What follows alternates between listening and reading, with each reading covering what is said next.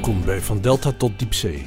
Een zoektocht naar de stand van de zee met onderzoekers van het Koninklijk Nederlands Instituut voor Onderzoek der Zee, het NIOS. Iedere maand nodigen Tesselblok en ik een onderzoeker uit om de trap te beklimmen naar het torentje van het instituut op Tessel. En daar, ver boven de zeespiegel, kijken we uit over het wat en praten over de zee. Afgelopen zomer kopte kranteninternet dat een enorme wolk Sahara-zand onderweg was naar de VS. Satellietfoto's toonden een wolk zo lang als de helft van de Atlantische Oceaan.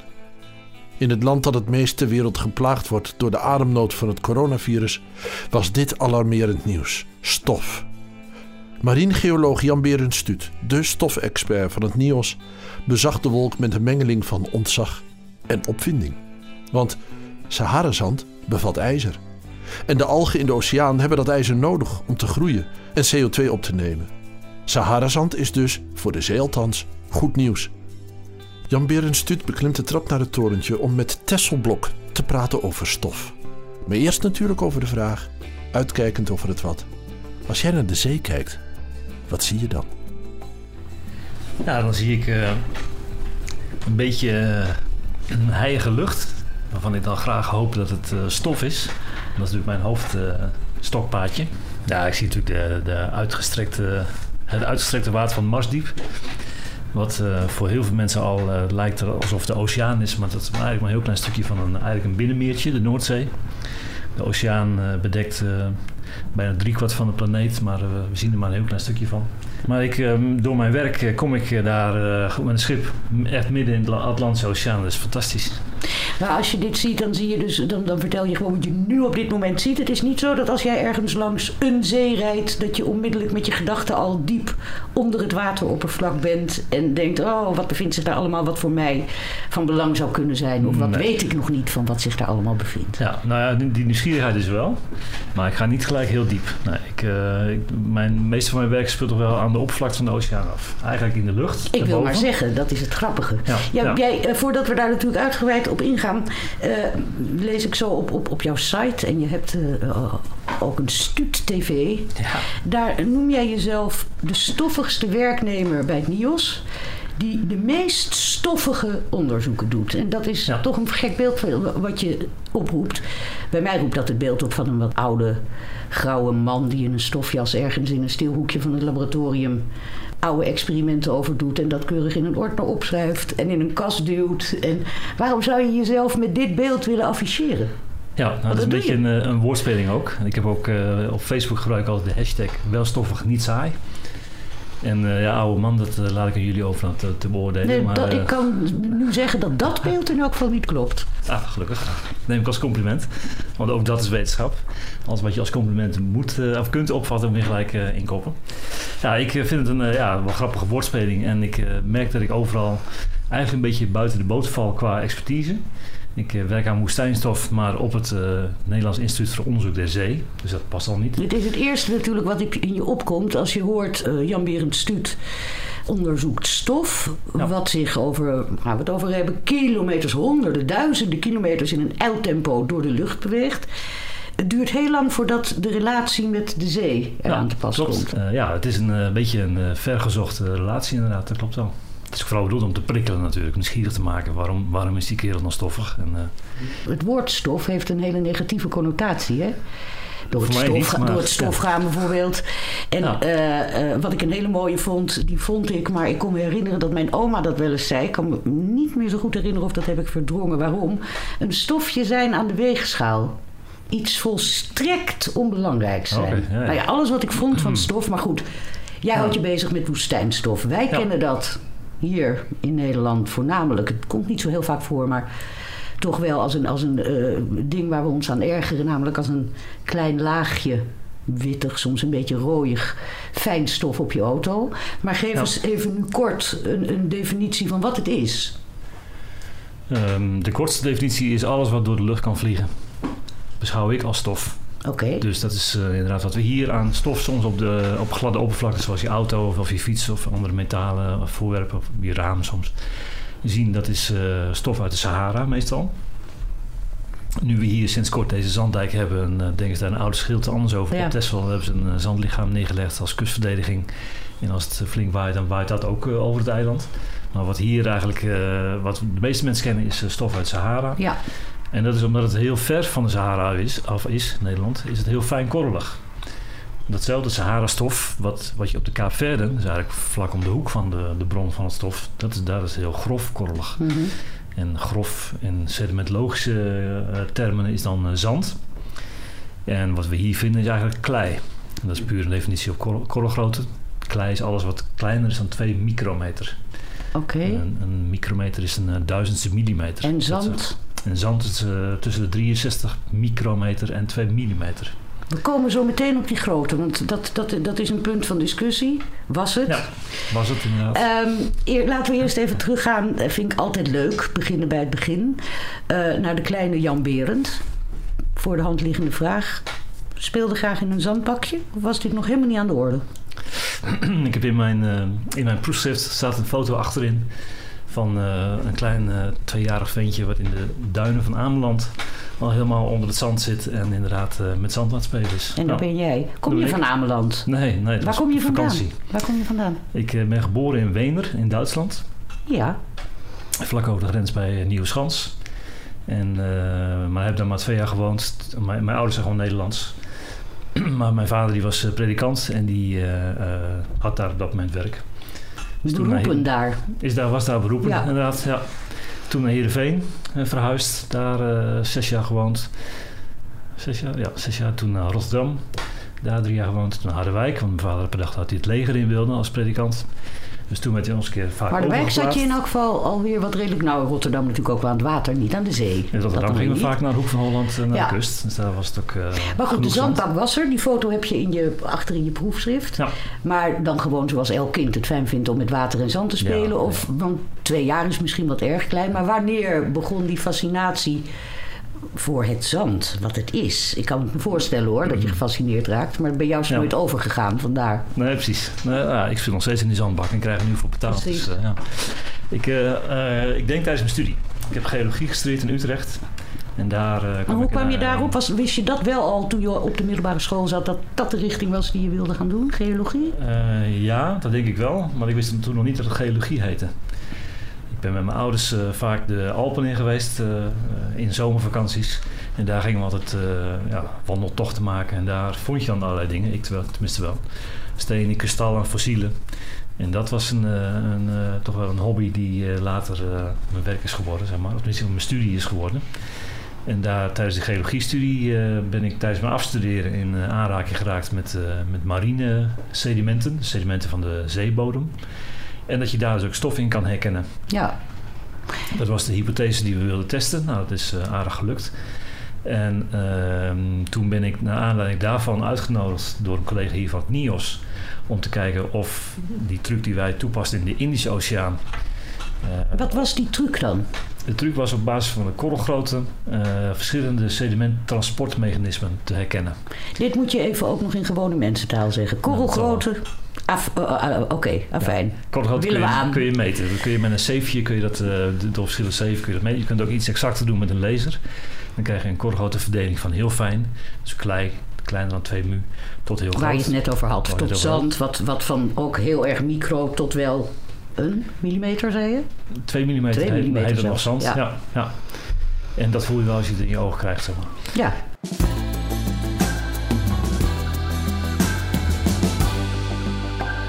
Als je een eh, sediment van de zeebodem neemt, maakt niet uit waar, dan is het bijna altijd een mengsel van bijvoorbeeld rivieren die in de zee uitkwamen, wind wat over de woestijn heen geblazen heeft en het materiaal er naartoe eh, blies.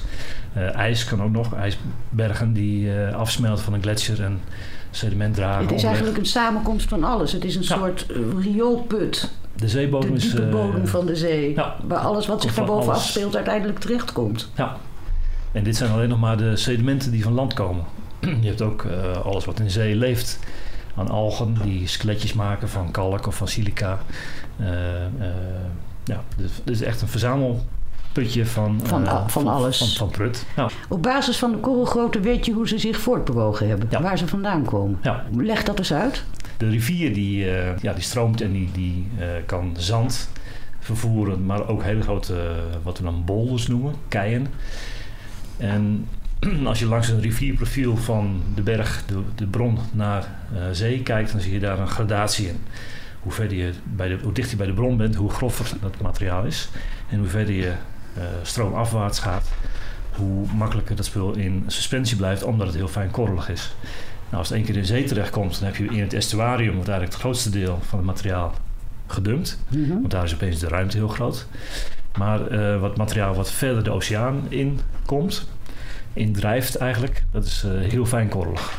Dus zeg maar tussen de 2 en de 6 micrometer. De wind is een hele goede selectiemechanisme.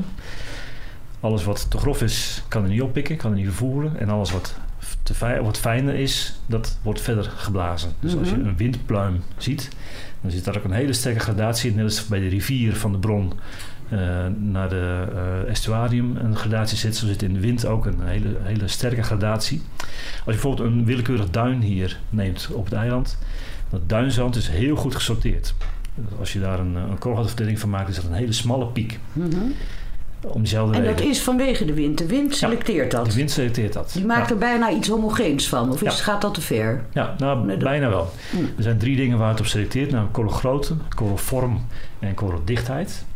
Je kunt je voorstellen dat een, zware korrel eh, van een zwaar metaal zal niet zo ver vliegen als een, een licht eh, veertje. dus daar zit ook weer die vorm en die dichtheid in.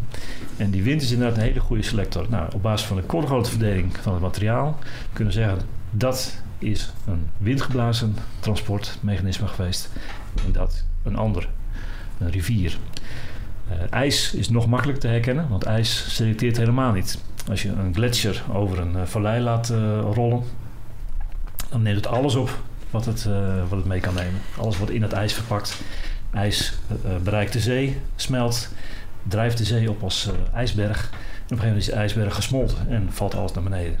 Voordat we ons zo meteen even helemaal gaan beperken tot die, tot die eh, eh, Sahara-stofwolken, die woestijnstofwolken. Waarom is het van belang om dat onderscheid te kunnen maken tussen eh, de korrels die via een rivier of de korrels die via de lucht zijn gekomen, die uiteindelijk in zee terechtkomen? Doen ze wat anders dan daar? Hebben ze andere eigenschappen op het moment dat ze in het water komen en, en zinken?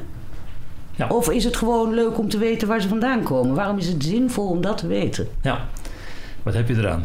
Dat was, ik probeerde het wat vriendelijker te formuleren, maar daar komt het op neer. Ja, ja. Er zijn eh, verschillende redenen waarom dat interessant eh, zou kunnen zijn.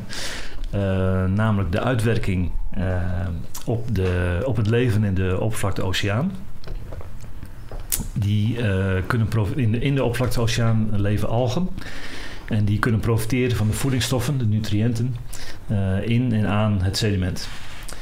En ehm, bij de reproductie van algen, vooral bij fotosynthese, eh, wordt CO2 opgenomen uit de atmosfeer.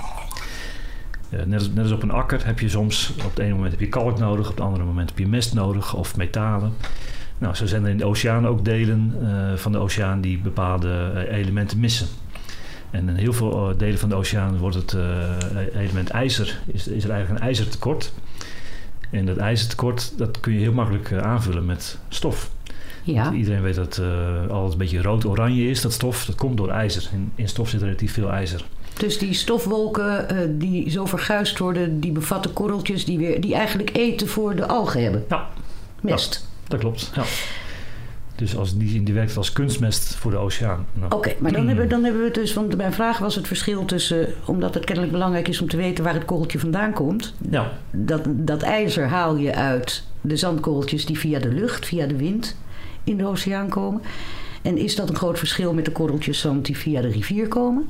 Eh, ja de, de korrelgrootte bepaalt ook eh, hoeveel materiaal, hoeveel van het ijzer bijvoorbeeld eraan kan zitten.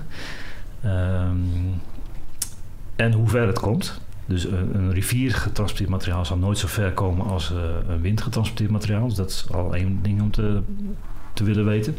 Een ander ding is dat je eh, in de oceaan, op de oceaanbodem, heb je plekken waar het materiaal zich door de tijd ophoopt. Eh, dus daar kun je naartoe gaan en daar een pijp in prikken. wat we doen, een stalen pijp prikken in de zeebodem. Het materiaal wat ze daar opgehaald heeft door de tijd, kun je dan lezen als archief uh, van het klimaat. Dus die, uh, bijvoorbeeld de verhouding tussen wat er door de rivier ingebracht is en wat met de wind is meekomen waaien, zal afhangen van het klimaat in dat brongebied. Als het nat is geweest, zul je meer riviermateriaal hebben ten opzichte van stof en andersom. Voor de koolstofcyclus, die van belang is, hè, als we het hebben over CO2, uh, is het dus van belang dat er eigenlijk zoveel mogelijk korrels via de lucht, via de wind, want die komen ver en dragen veel ijzer met zich mee in de oceaan komen, zodat de algen kunnen groeien. En de algen nemen weer CO2 mee naar beneden en slaan dat op. Dat komt dan dus niet in de atmosfeer terecht. Ja. Dus dit is heel positief aan die vermalendijde stofwolk. Ja. Hierbij helpen ze het klimaat. Ja. Hierbij werken ze als een soort terminator van te veel CO2. Ja. Maar sowieso in de lucht is het niet gezond. Nee, het kan uh, de luchtwegen uh, beïnvloeden inderdaad. Het is op dit moment, als ik even mag onderbreken, actueel hè? Ja. We spreken nu, uh, we zitten de eerste week van juli en er is een gigantisch grote Sahara-stofwolk hoe, wordt hij ook weer genoemd? Uh, Godzilla. Godzilla, vanwege de grote. Ja. Is op dit moment uh, boven Amerika. Ik geloof dat het in Texas al is. Ja, klopt. En wordt mensen doodsbang. Gezien corona natuurlijk. Het is echt, het is voor mensen. Die, die, angst is niet zo terecht, denk ik. Want het is alleen echt als je last hebt van je luchtwegen dat je daar geprikkeld door kunt raken. Vooral mensen in, in het Caribisch gebied hebben, hebben veel last van, van dit stof uit de Sahara. En dat komt ook weer, is ook weer een korthout-effect. Je zou namelijk verwachten dat mensen op de Kaapverde bijvoorbeeld, uh, die veel dichter bij de bron zitten van het materiaal en ook veel meer stof overgewaaid krijgen, dat die er meer last van hebben. Maar dat is niet zo, omdat zij zo dichtbij zitten, is het materiaal ook veel grofkorreliger en uh, kun je het makkelijker weer ophoesten. Zou het in je longen terechtkomen, dan hoest je het makkelijk weer uit. Terwijl in het Caribisch gebied is het een paar duizend kilometer verder. Is, is het, fijnmazig, fijnstoffiger, fijn, fijnstof? Fijnkorreliger, ja, fijnstof, fijnstoffiger. En dat, uh, en dat materiaal is zo fijnkorrelig dat het uh, de cel binnen kan dringen. Uh, cel in, in je longen. Mhm. En daardoor hebben mensen daar meer last. De hoogste astmagevallen komen voor in het Caribisch gebied. En mensen denken dat het aan het woestijnstof uit de Sahara ligt.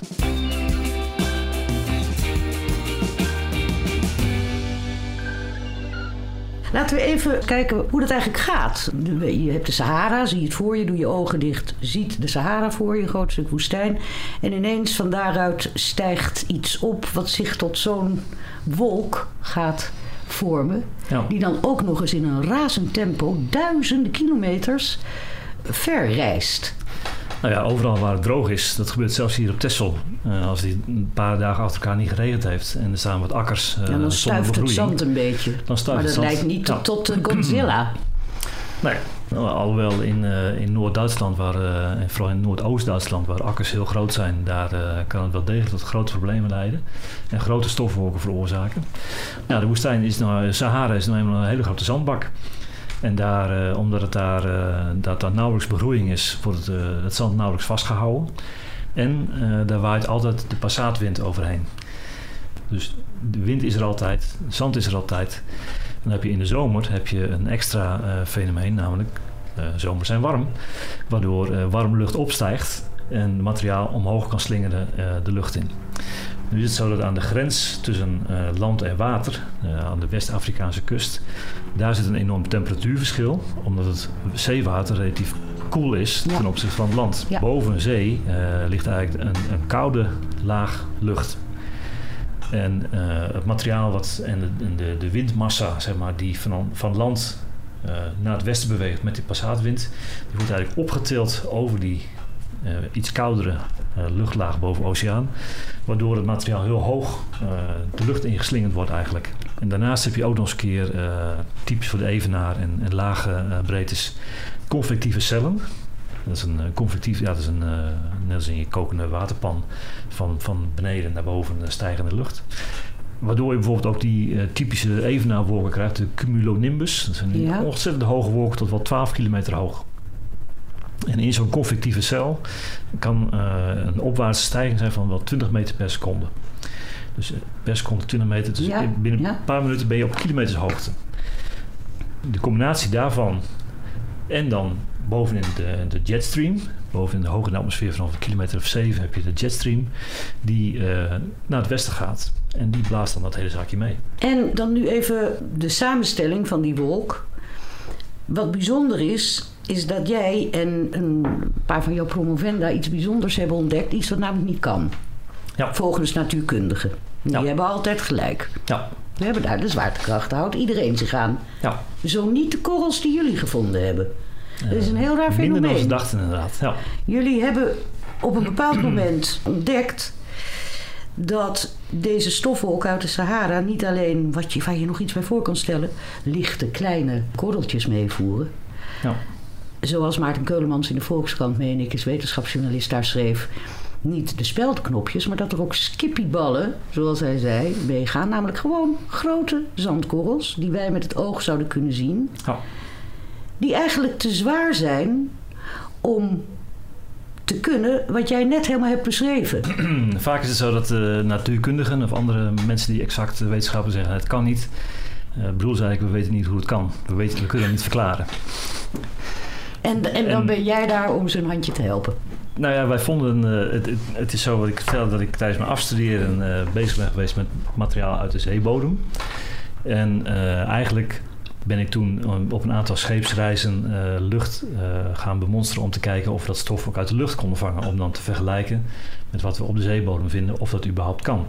Want in die kernen met sediment vonden we al materiaal wat eigenlijk, wat wij, waarvan we van de sortering zagen van oké, dat is heel fijn, heel goed gesorteerd. Dus dat moet wel windgeblazen zijn, maar het is eigenlijk te grof. Want de visie zei van ja, nee, dat kan niet.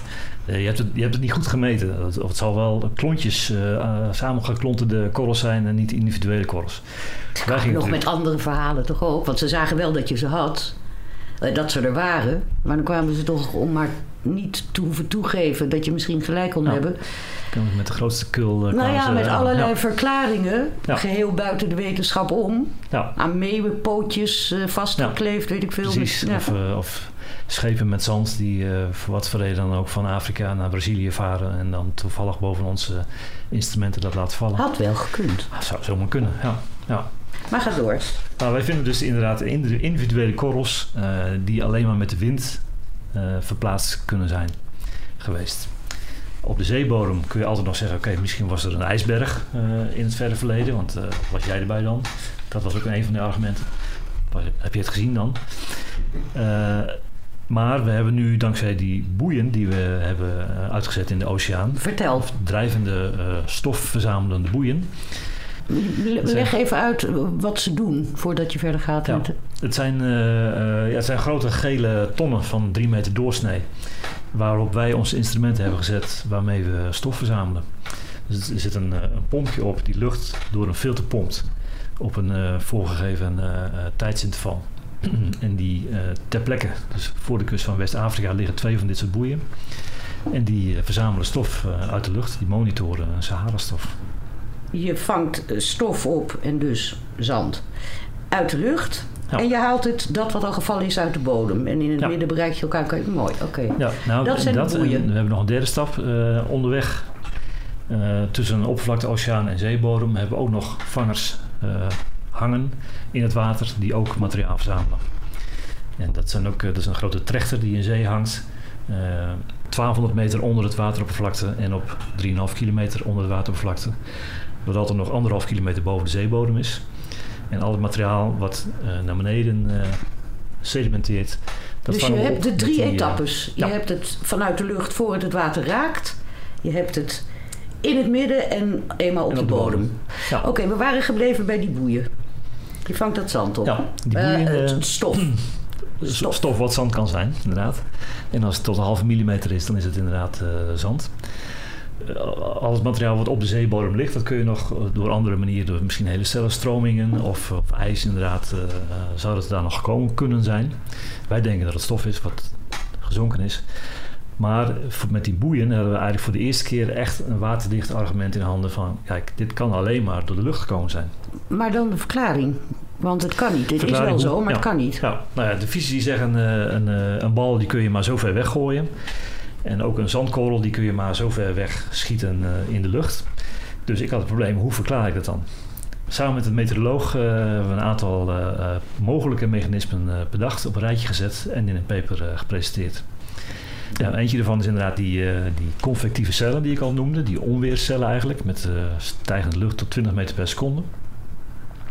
En je ziet ook wel. Heeft dat dan, die onweerscel, maar heeft dat dan ook met elektriciteit te maken? Gaat dat om elektrische lading? Dat is een dan? tweede, dat, tweede mechanisme. Oh, dat staat daar, dat staat los van. Dat staat, staat los van, maar gaat, komt wel vaak samen voor omdat je uh, tijdens die uh, snel opstijgende lucht uh, wrijven deeltjes langs elkaar en laden ze op. En die statische elektriciteit die kun je heel goed meten. En een van de co-auteurs van dat verhaal, die hebben we erbij getrokken omdat hij dat goed kon. Die had een keer een Sahara-stofwolk boven Engeland, boven zijn eigen instituut, gemeten op, op statische elektriciteit. En die vond daar verbazend veel energie in nog, in die wolk. Alhoewel die vier tot vijf dagen al onderweg was. Er zijn ook beelden van stofstormen waarin bliksemschichten te zien zijn. Dus ontladingen van energie die veroorzaakt is door langs elkaar schurende deeltjes. En die deeltjes die, ja, die houden elkaar dus eigenlijk in suspensie in die wolk, doordat ze elkaar afstoten. En uh, vooral kwartskorrels zijn daar gevoelig voor. En laat het nou vooral kwartskorrels zijn die wij vinden ja, midden op de oceaan duizenden kilometers van waar ze eh, Ongelooflijk, ja. kwamen. Ja. En, en uh, dat hebben jullie in een paper geschreven? Ja. En hoe is daarop gereageerd? Hebben jullie de natuurkundigen kunnen overtuigen dat dit een mogelijkheid is? Uh, ja, schoolvoetend wordt er nu toegegeven dat, het, uh, dat ze er wel eens inderdaad naast gezeten kunnen hebben. En uh, ze doen altijd nog pogingen om het toch wel een beetje onderuit te halen door te zeggen van ja, maar dat zijn maar zo weinig. Nou, dat vroeg ik me af. Ja. Eh, is de hoeveelheid belangwekkend als het gaat om waar we het eerder over hadden? De bemesting van de oceaan, dus om algengroei te bevorderen. Ja. De positieve kant daarvan. Ja. En is het extra link om die negatieve kant van die korrels, en zeker als ze groot zijn, namelijk dat broeikaseffect wat ze op kunnen wekken, als een deken ja, kunnen gaan werken. Precies. Dan hangt het wel af van de hoeveelheid. Ja, is, die zo. groot genoeg om invloed te hebben? Ja, nou, wij hebben uh, sedimentvallen in, die in de oceaan uh, op diepte hangen. In de waterkolom, alles wat naar beneden zinkt, of alles, één vierkante meter daarvan wordt opgevangen in zo'n in zo'n sedimentval. Dat komt in een trechter terecht in een potje. En uh, elke twee weken draait hij uh, een carousel, draait één slagje door, zodat elke twee weken een nieuw potje. Dat, dat potje dat, dat halen we eronder uit na een jaar. In het lab ga je dat splitten. Want iedereen wil er aan werken aan het materiaal, want het is heel uniek. Dan uh, wordt het in, eerst in vijven gesplit en dan één, zo'n 1 vijfde deel wordt nog een keer in vijven gesplit. En zo'n 1 25ste deel vinden we altijd 5 tot 10 van die grote korrels. Ja. Dus als je dat terug gaat rekenen naar keer 25 omdat je een split hebt gemaakt, keer 1 vierkante meter, dan is dat significant veel. Ja. Dus dat is dat argument van ja, maar het is heel weinig. Precies, van is, sommige uh, fysici van dat zal dan wel, maar het stelt eigenlijk niks voor. Het was een toevalstreffer. Ja. Dat is eigenlijk wat ze dan willen zeggen. Ja. Maar Ja. jullie tonen hiermee aan met die vangst van een jaar lang opvangen, Ja. dat dat niet zo is. Hoe gaat dat eigenlijk? Ben jij dan zelf op, op, op dat schip? Is dat een onderzoeksschip van het uh, NIOS wat dat doet? Die dingen laat zakken ja, vaak wel. in het midden van de Atlantische Oceaan? Tussen, tussen de Afrikaanse kust en, uh, Ja. en de Caribe. Ja, dus, uh, bij- En dan laat je dat zakken en dan vaar je na een jaar weer terug en dan eh, trek je dat naar boven. Ik zeg het nu misschien wat te simpel, het is geen dat visnetje. Lukt nee, het altijd? Gaat wel eens mis inderdaad. Je raakt wel eens wat instrumenten kwijt. Ben je Zo'n hele trechter van met een jaar vangst wel eens kwijtgeraakt? Ja, ja, helaas wel, ja. ja. ja. ja het is, je kunt het weer ook niet altijd voorspellen. En je bent Nee. daar eh, ja, op dat moment. En als het te ruig is, eh, het gaat mis, dan ben je het kwijt. Of, of je durft het risico niet te nemen en zegt van... eh, nou ja, oké, kijk of iemand anders die hier toevallig langskomt... of gaan volgend jaar nog een keer proberen. Dat hebben we, al, we hebben al gehad dat er een kabel brak. Ja, En dan haal je dus de spullen op van een jaar. Die, die vallen, die aan de oppervlakte staan. Die dus eh, de, de korrels, het stof, ik moet het stof blijven noemen. Het stof uit de lucht opvangen voordat het het water raakt. Staan die Ja. daar ook een jaar? ja, Dus die halen jullie dan ook weg. Dan ga je een stapje lager. Dan haal je met pijn en moeite die trechters naar boven. En het sediment op de grond. ja. Ook. Kun je ook eh, op die manier... Met, boor, eh, met een boor. Ja, nou niet een boor. Boorschepen zijn er ook, want dat zijn weer hele specifieke eh, expedities. Met de Pelagia en normale onderzoeksschepen die we in Europa hebben, is dat meestal gewoon een, eh, ja, een kern die, eh, die eigenlijk onder vrije valcondities de zeebodem in valt. indrukt. En dan kun je die weer ophalen. En dan ga je met dat unieke materiaal terug. Dan gaat, dan gaat het het laboratorium in. En dan gaan jullie mee aan het werk op de manier die jij beschrijft. Ja. En dan laten jullie ook meteen weer nieuw spul achter. Of gaat dit niet aan één stuk door maar door? Dat hangt af van de financiering. En dat is natuurlijk altijd Ah, een, ja. een eh, heikel punt. En eh, ik, had, ik, ik had in eerste instantie had ik voorgesteld om een jaar lang één jaar Sahara-stof te monitoren. Op deze manier, dus inderdaad met drijvers aan de wateroppervlakte vallen in de waterkolom en van de zeebodem. En daarvoor hebben we dus twee expedities nodig. Eentje om alles uit te zetten en eentje later, een jaar later alles weer op te halen. En dat had ik uitgezet in zowel Den Haag als in Brussel. En eh, kennelijk vonden beide dat een goed idee. Dus beide zeiden ja. Dus had ik opeens eh, vier expedities. Is eh, drie jaar eh, monitoren. Prachtig. Kijk, en toen, eh, waar- heb je enig idee waarom ze ineens, want je zegt het nog steeds met enige oprechte verbazing, waarom ze ja zeiden, is dat omdat als jij dan zo'n voorst- voor- voorstel doet voor onderzoek, dat jij daarin aan kan tonen dat het een bepaald maatschappelijk belang dient. In dit geval de bemesting van de oceaan, wat Ja. voor het CO2-opvang goed is. Ja, ja vooral dat CO2-probleem wat we hebben. Eh, dat gaf denk ik wel de doorslag om dit eh, onderzoek te financieren. En, eh, en ik denk ook oprecht dat het een, een mogelijkheid is om Dat geloof ik. iets te doen eraan. Ja. Het is echt een combinatie van zeker heel erg zeer fundamenteel onderzoek, wat ook nog eens een keer maatschappelijk van belang is. Anders zou het een stuk moeilijker worden waarschijnlijk Ja. om het gefinancierd te krijgen.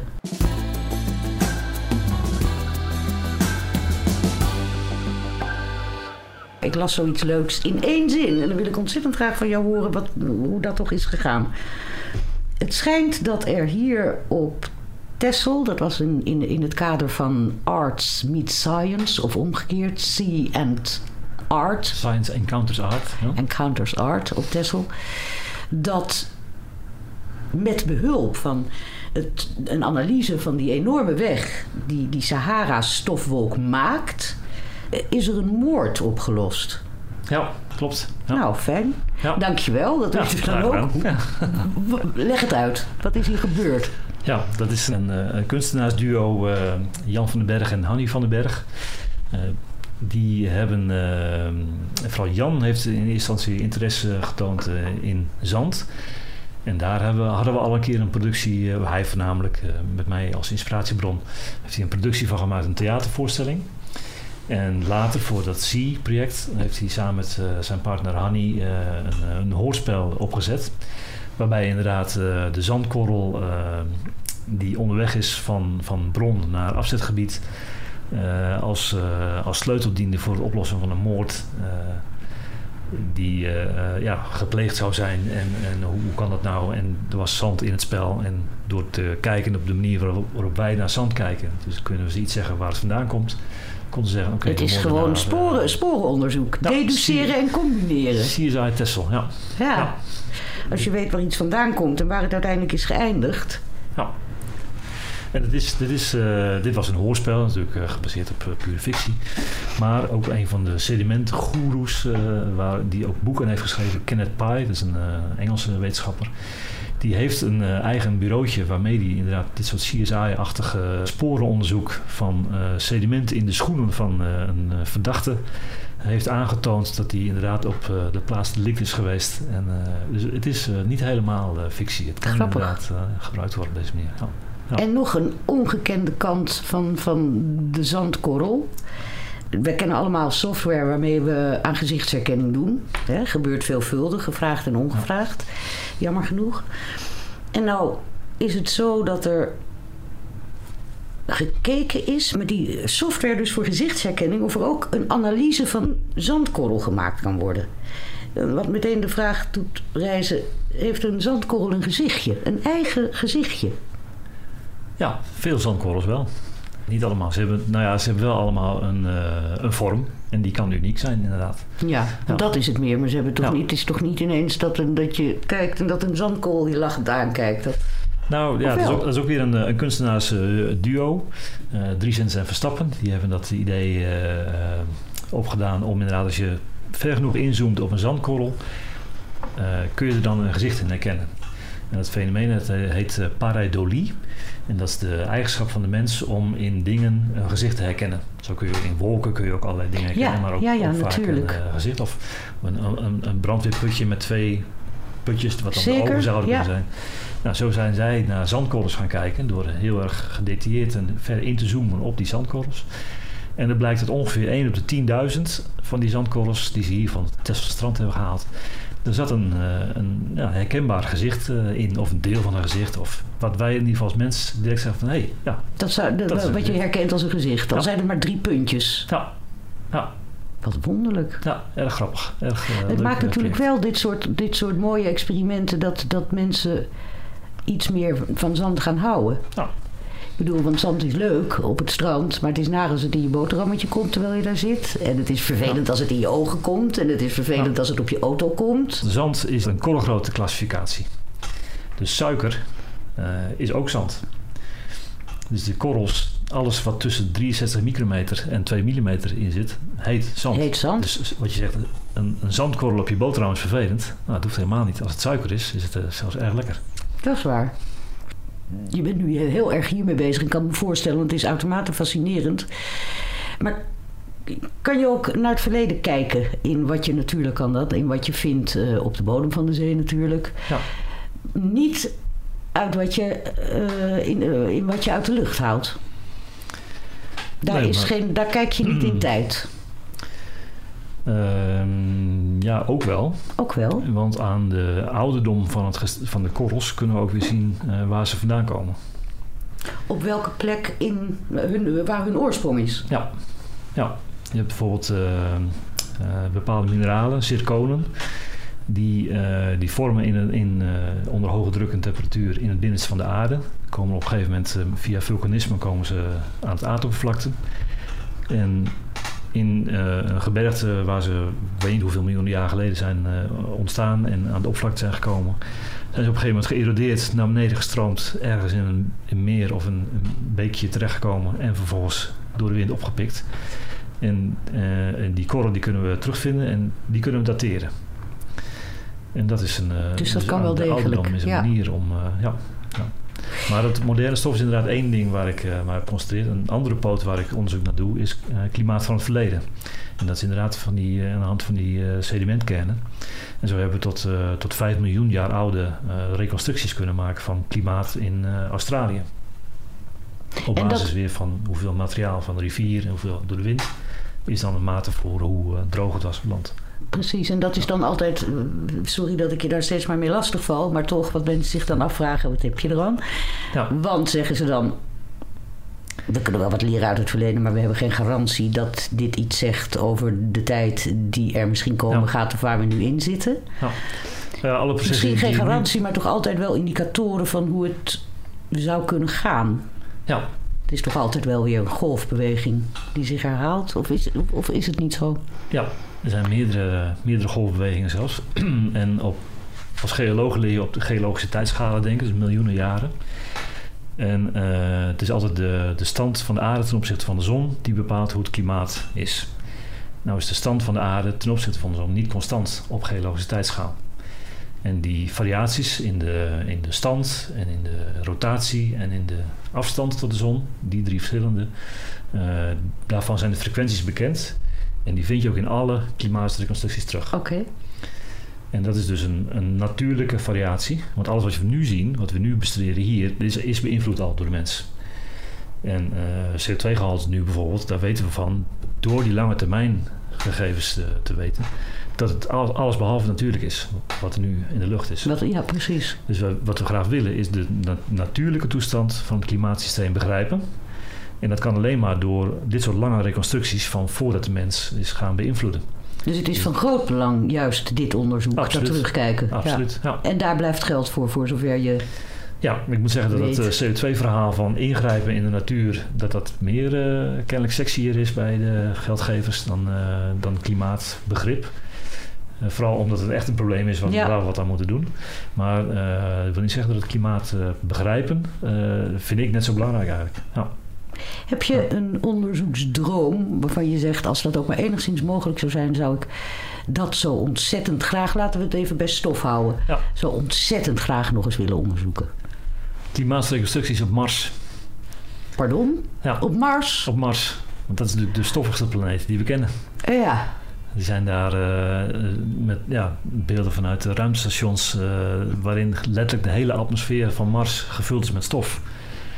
Dus daar, eh, daar moet wel het een en ander te doen zijn. Aan, Ik zou me melden bij, bij Musk als ik jou was. Je Ja, komt alleen ja. nooit meer terug. Ik weet Ja, dat niet hoe je ons dan ooit je resultaten ook kenbaar kan maken. Maar, Ja, ja, dat zou ik misschien kunnen maar dat is echt een droom van je. Ik had iets heel veel meer down to earth verwacht hoor. Maar dat is echt een droom van je. Nou ja, dat, natuurlijk, dat fantaseer ik wel zo. Ja, ja, ja. Eh, Weten we eigenlijk niets van? Ik zou bijna durven weer dat wij van Mars, van het oppervlakte van Mars, weten we meer dan van de oppervlakte van onze eigen planeet. Omdat eh, de aarde is voor 70% bedekt met water. En eh laatst was een studie die beweerde dat we nu 20% van de zeebodem in kaart gebracht hebben. Ja, 80% nog niet. Nog niet. Nee. En van Mars, eh, omdat er geen water is, en er altijd de hele tijd satellieten omheen cirkelen die alles meten, weten we er eigenlijk meer van, van het oppervlakte dan, eh, dan van onze eigen planeet. Nou, dat lijkt me wel Ik, ik duim uitdaging. voor je dat het een keer kan, maar dan wel Ja. op, op zo'n manier dat je ook weer terug kan komen. Dat zou ik wel prettig vinden, ja. ja. Ontzettend bedankt voor dit gesprek. Nou, graag gedaan. Zijn we door de, door de tijd heen?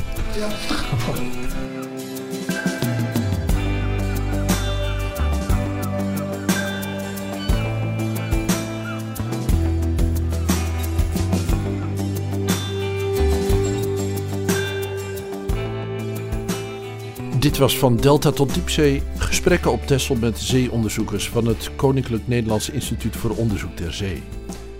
U hoorde marinegeoloog Jan Berend Stuut in gesprek met Tesselblok. De muziek is gemaakt door Matthijs Duringhoff.